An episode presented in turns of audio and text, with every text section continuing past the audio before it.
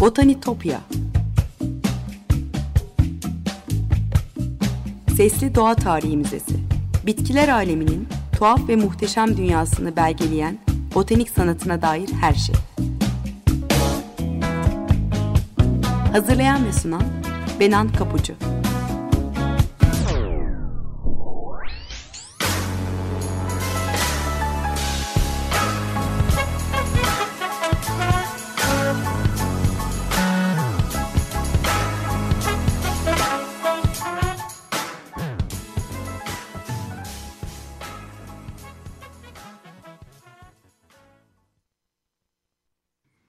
Merhaba sevgili Açık Radyo dinleyicileri.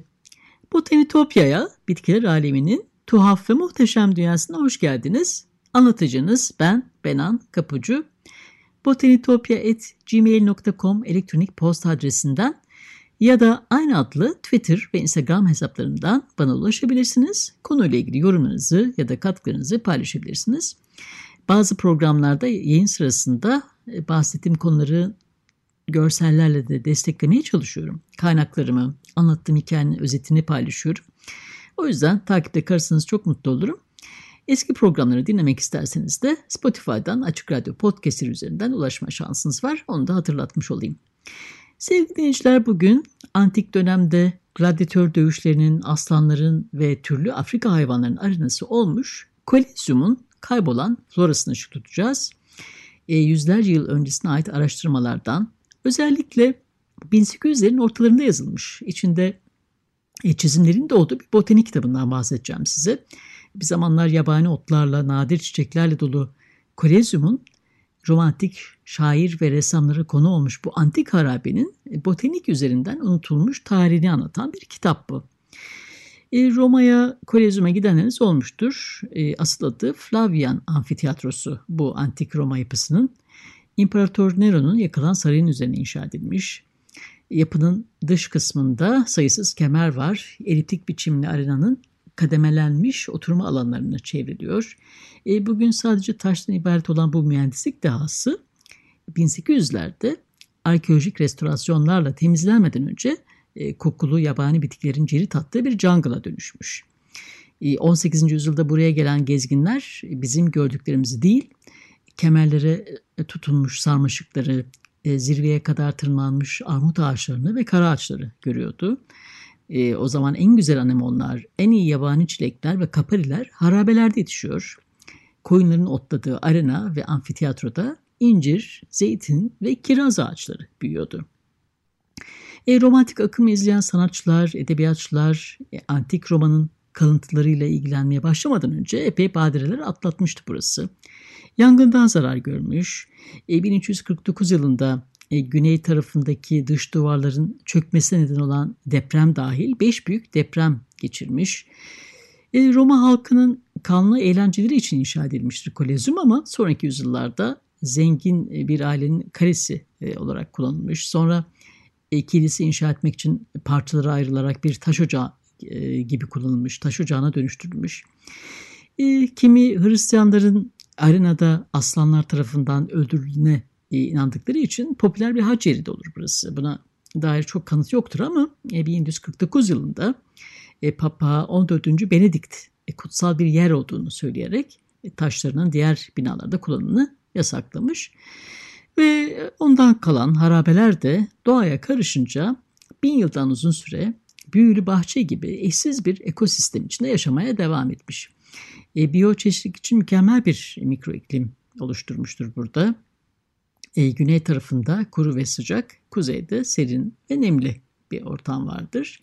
E, pembe karanfiller alt galerilerde büyürken anemonlar bahar boyunca açık alanlarda beyaz noktacıklar halinde açmaya devam eder. E, Roma Üniversitesi'nden Giulia Caneva'nın Amfiteatrum Naturae başlıklı güncel bir makalesi bugün ruderal botanik dediğimiz alanın yani molozda yetişen bitkilerin araştırılması konusunun yüzyıllar önce başladığını anlatıyor. E, oradan aktaracağım size. E, 1643 yılında İtalyan botanikçi Domenico Panaroli e, yazdığı bir kitapta Kolezyum'un 6 dönümlük mikro iklimde yetişen 337 bitki türünü kaydetmiş. E, 1600'lerin başında Roma Üniversitesi La Sapienza'da botanik ve anatomi profesörüdür e, ve ayrıca Roma Tıbbi Bitkiler Bahçesi'nin müdürüdür Panaroli. E, kitabında Linnaeus öncesi bir terminoloji kullanmış doğal olarak. Bu yüzden kimi türlerin ne olduğu muğlak ama şifalı bitkilerin her yerde nasıl kolayca bulunulabileceğini göstermek istemiş. E, 1800'lerin başında yine Roma Üniversitesi'nde profesör ve botanik bahçesinin müdürü olan Antonio Sebastiani 1815 yılında yayınladığı katalogda 261 kolezyum bitkisini listelemiş. Ee, yine 1800'lerin sonunda İtalyan botanikçi Contes Elisabetta Fiorini Mazzanti e, Florula del Colosseo eserinin ön sözünde yabani ot temizliğiyle ilgili üzüntülerini dile getirmiş. Şöyle diyor, doğa sertliğini hafifleten bitki ve çiçekleriyle saygıdeğer duvarları şehirsel bir şekilde giydirmeyi seviyordu. Şimdi arkeoloji aşkı her şeyi yok etmiş. E, Fiori'nin eseri öncekilerden daha bilimseldir. 272 türü listeler. E, bunlardan 70'i şu an farklı familyalara ait olduğu bilinen yosun, liken, mantar gibi türlere ait. E, İtalyan bilim insanı Poggio Bracciolini 1430 yılında Kolezyum'un harabeye dönmüş olduğunu gördüğünde dünyanın bu görkemli manzarası nasıl da yıkılmış diye hayıflanmış. Nasıl değişmiş, nasıl tahrif edilmiş. Zafer yolu asmalar tarafından yok edilmiş diye. O yıkıntıların e, Kolezyum'un yasını tutar belki ama kimileri de burayı doğanın istilası altında bir cennet bahçesi gibi görüyordu. E, 18. yüzyılın romantik gezginleri harabeleri ele geçiren doğayı hayranlıkla betimlerler. Shelley, Byron, Dickens, Thomas Cole, Henry James ve diğer sayısız sanatçı bu gizli bahçenin büyüsünü anlatır. E, Fransız Jean-Antoine Constantin ve François Marius Granet gibi harabelerin pitoresk görünümünden etkilenen ressamlar amfiteyatronun ağaçlarla, otlarla kaplı halini gösteren birçok resim bırakmıştır geride. E, Granet 1829 yılında Roma'ya geldiğinde Kolezyum'un yabani otlardan temizlenmiş halini görünce hayal kırıklığına uğrar ve şöyle der. Her konuda zevk sahibi Romalıların böyle bir katlama izin vermelerine şaşırdım. Modernleştirme çalışmaları bu harika anıtları mahvetmiş. Bilim ve onun soğuk kuralları bu mekanı değersizleştirerek adeta resim sanatının matem yerine dönüştürmüş. E, İskoç ressam William Leighton Leitch de burayı Babil'i anımsatan anıtsal bir asma bahçe olarak resmetmiş. E, William Turner da öyle. The Colosseum Rome by Moonlight adlı eserinde tropikal bir bahçe gibi görünür burası neredeyse. Sevgili dinleyiciler bir müzik arası verelim. E, Paul de Seneville'in eseri Mariage de Amour'u dinleyelim. 5 dakika sonra yeniden buluşuruz. 95.0 Açık Radyo'dasınız. Botanitopya'da Kolezyum'un bitkilerle kaplı harabelerini, romantik şairlere, sanatçılara isim vermiş o halini konuşuyoruz. E, Turner'ın, Granit'in resimlerinde bu büyülü bahçeyi nasıl resmettiklerinden bahsettim. E, yazarları da etkiler. E, araştırmacı Paul Cooper'ın The Atlantic.com sitesinde bilim köşesine yayınlanan e, harabeler ve flora ile ilgili bir yazısından aktarıyorum size. E, 1833 yılında o zamanlar pek bilinmeyen bir yazar olan Edgar Allan Poe, İtalya'ya hiç ayak basmamış olmasına rağmen e, The Collegium adlı bir şiir yazmış. Şiirde arenanın florasından özellikle bahsediyor. E, burada Romalı kadınların sarı saçlarını dalgalandıran rüzgarın altında kamışlar ve deve dikenleri salınıyor şimdi e, dizelerinde olduğu gibi. Ondan önce 1818 yılında burayı ziyaret eden romantik dönemin en önemli şairlerinden İngiliz Percy Shelley bu heybetli insan yapısının dönüşümüne hayret ediyordu. O da şöyle yazar. Harap olmuş merdivenleri ve galerileri arasında dolanan küçük patikalar tepelere kadar yabani zeytin, mersin ve incir ağacının büyüdüğü amfiteyatroya ulaşıyor. Ağaçlıkların gölgelediği labirentlerinde dolaşırken mevsim bitikleri ayaklarınızın altında çiçek açıyor. E, Lord Byron da Child Harold'ın Hac Yolculuğu adlı eserinin dördüncü kantosunda bahseder. E, gri duvarların giydiği çelenk ormanından ilk Sezar'ın başındaki Defne gibi. E, bu dizilerde bu bahçeden ilham almıştır. Onun için harabelerdeki boşluklar ve çatlaklar başka bir zaman açılan kapılar gibidir. Ölüleri geri getirir ve ona bakanı tedirgin eder. Charles Dickens da 1846 tarihli Pictures from Italy, İtalya'dan Resimler adlı eserinde e, Kolezyum'a dair ilk izlenimlerinden bahsediyor. E, buradaki bitki yaşamından, e, geçmiş ihtişamın yerini alan o doğal güçten, özellikle ayrıntılarıyla bahsediyor.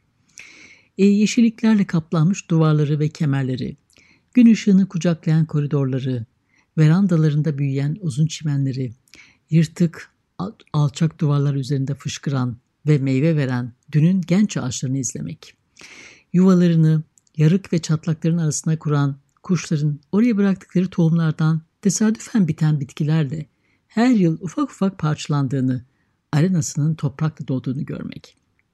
Akla gelebilecek en etkileyici, en kutsal, en görkemli ve en kederli manzara. E, romantik gezginlere, edebiyatçılara ve sanatçılara ilham vermeye devam eder burası. Ta ki 1800'lerin sonunda restorasyonla yok edilinceye kadar. E, 1870 yılında Roma İtalyan Yarımadası'nı birleştirmek için yapılan savaşta İtalyan milliyetçi güçler tarafından ele geçirilir. Papa kendi sarayına sürgün edilir. Etrafı silahlı askerlerle çevrilir ve halkın arasına çıkması engellenir.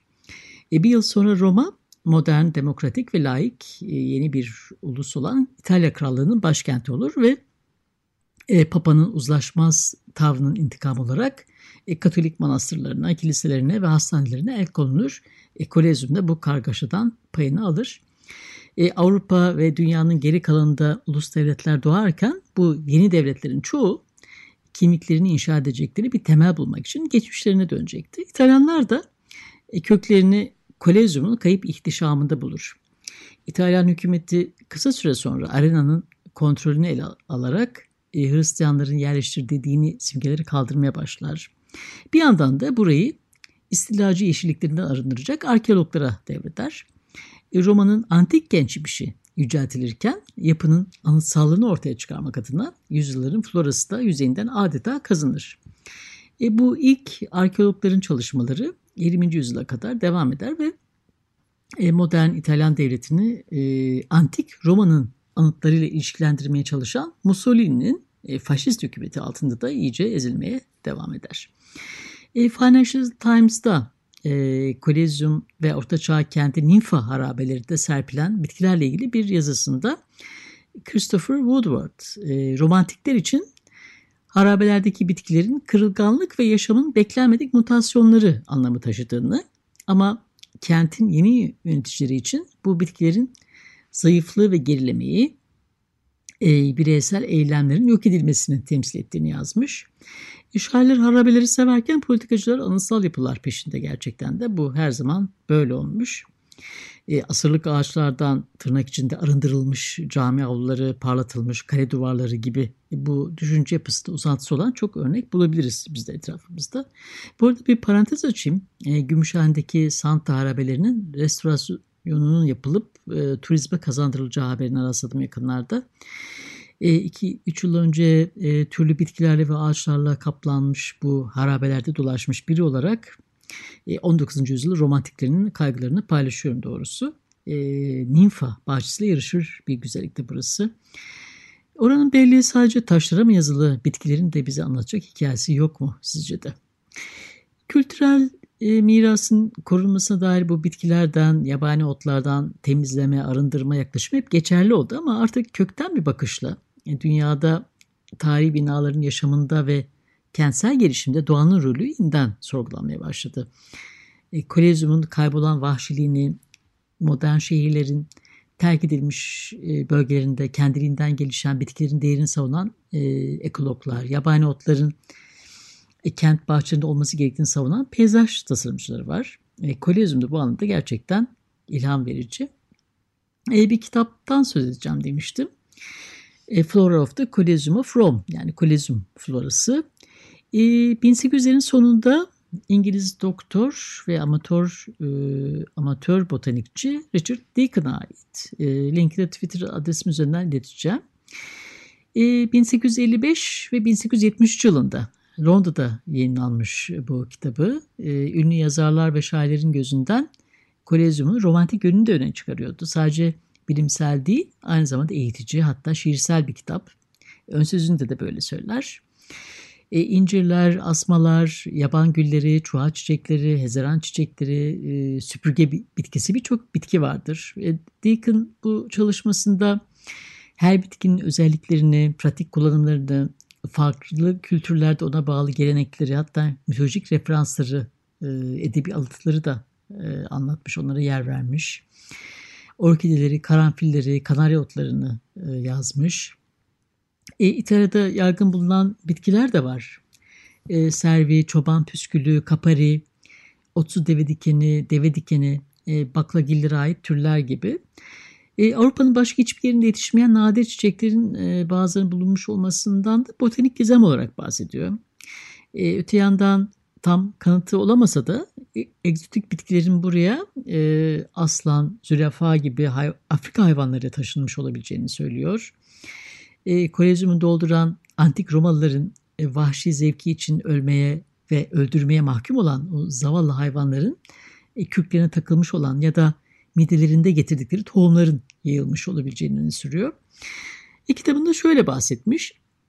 E, Afrika'nın vahşi doğasından gelen asil ve zarif hayvanlar kalabalıklar karşısında vahşet ve açlıktan gelen öfkeyle birbirlerini parçalıyordu.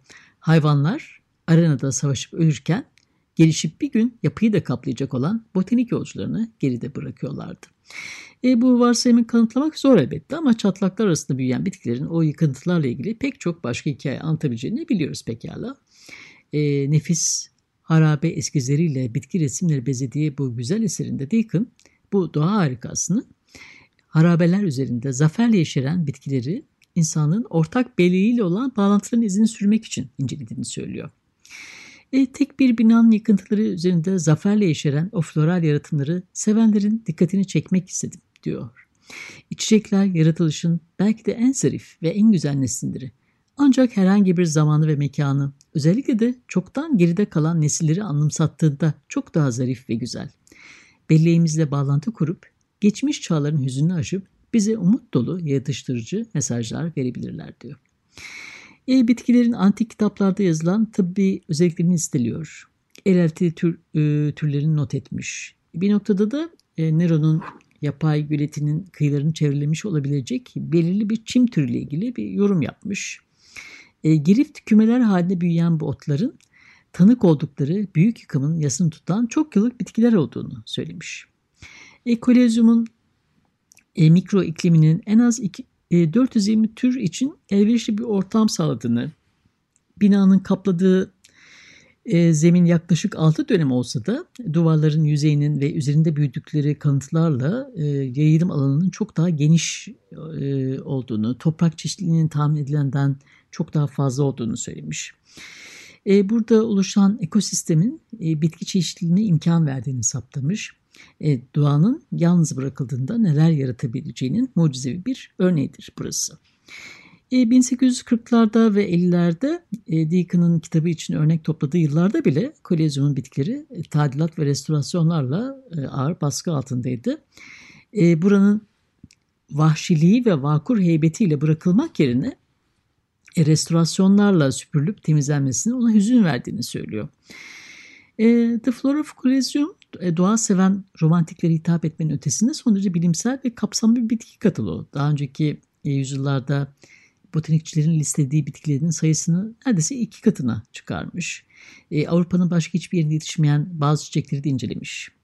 E, bu çiçeklerin yok olması üzücü elbette ama en azından izlerini bu umut dolu kitapta görebilmek mümkün. E, bitki örtüsü kaldırmış olmasına rağmen e, 1990 ve 2000 yıl arası e, arasında yapılan bir araştırmada orada hala büyümeye devam eden 243 farklı tür bulunmuş. Bu bitkiler arasında soğan otu, e, Asphodelus fistulosus ve tüylü dam koruğu Sedum dasfilium gibi çok nadir türler de var. E, bilim insanları e, kentsel çevreden kopuk bu sığınaktan e, başka bir yerde yetişme şansı olmayan bitkiler öldüğünü söylüyor bu türlerin.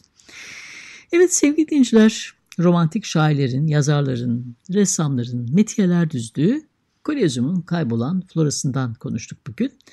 Botanitopya'daki keşif yolculuğumuz bu hafta buraya kadar. botanitopya.gmail.com elektronik posta adresinden ve aynı adlı Twitter ve Instagram hesaplarından bana ulaşabilirsiniz. Yorumlarınızı, katkılarınızı paylaşabilirsiniz. Program destekçilerime de gönülden teşekkürlerimi iletiyorum buradan. Gelecek hafta tekrar görüşünceye dek sevgiyle ve duayla kalın.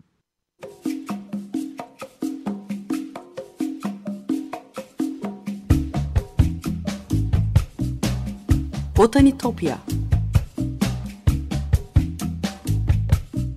Sesli Doğa Tarihi Müzesi Bitkiler aleminin tuhaf ve muhteşem dünyasını belgeleyen botanik sanatına dair her şey. Hazırlayan ve sunan Benan Kapucu